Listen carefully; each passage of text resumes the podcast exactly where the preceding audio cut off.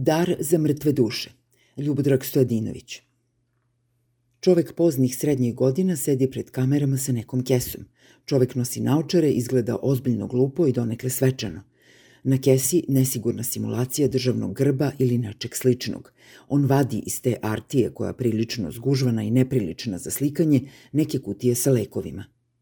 To nisu lekovi, u stvari lekovi na neki od mogućih načina jesu, ali su poznati pod zajedničkim imenom vitamini.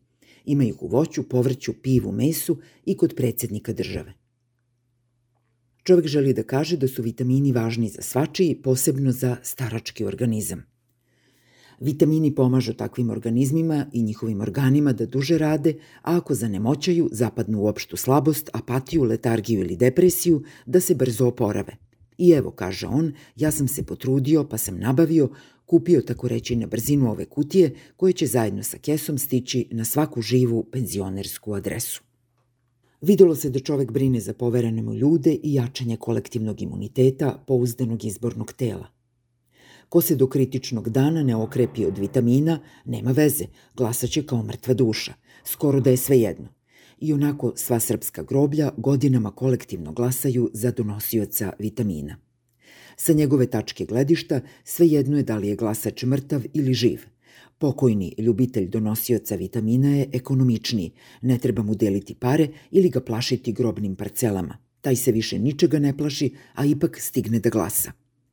Moguće je da darodavac svoje paketiće sa grbom otačbine Srbije podeli i živima i mrtvima, zašto bi pravio razliku među onima koji mu donose pobedu.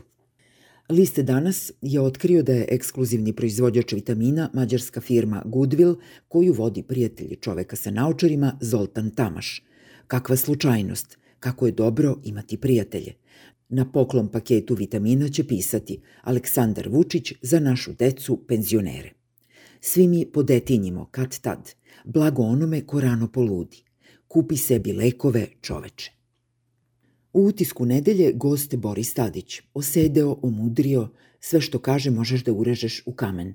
Veliko političko iskustvo, bio ministar i predsednik, vlasnik dvora okružen blejačima sa Dorčolskog keja, Krletov najbolji drug. Zašto je Boris Tadić uopšte tema? Ne bih znao da me ubiješ ali mi je bila zanimljiva njegova replika čoveku iz sveta politike koji te večeri nije bio prisutan. To je bila i lozinka iz koje se možda rađa nova politička filozofija Borisa Tadića.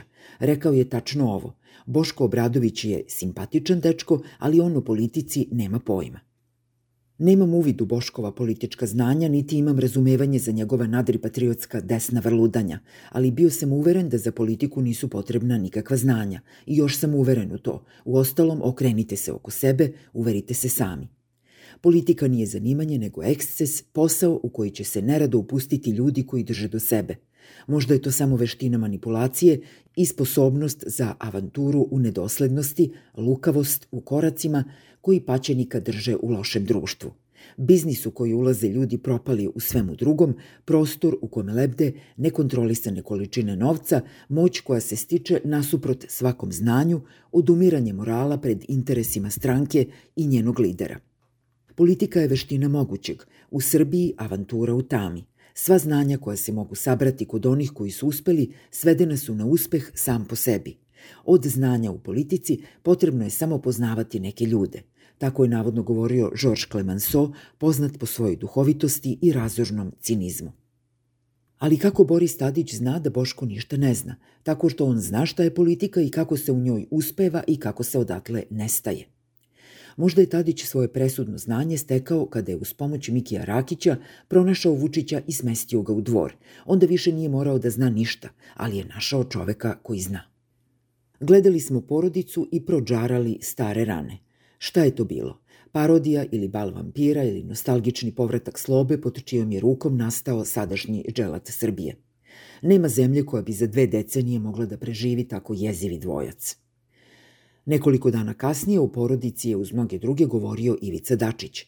Sećate se Malađeca koji je godinama na svoj tikvi negovao slobinu frizuru i posle nekoliko političkih kliničkih smrti postao kod Vučića ovo što je uz mnoga poniženja iskukao. Dačić se i dalje osjeća kao član porodice, makar kao potrčko koji se vezao za gazdu, pa ga u starim danima drma nostalgija za utopijom koju je odživeo. I sada je dao potresnu izjavu, sastavljenu od zakasnelog ogorčenja. Svi koji su hapsili Miloševića morali bi u zatvor. Dakle, šta smo imali? Đinđić je ubijen, Koštunica ne zna gde je, Dušan Mihajlović traži sebe u povlenskim maglama i vidicima, Perišić se bije sa špijunom u sebi, Legija je na robiji. Ostao je samo Čeda, idealni pregovarač za hapšenje Vučića.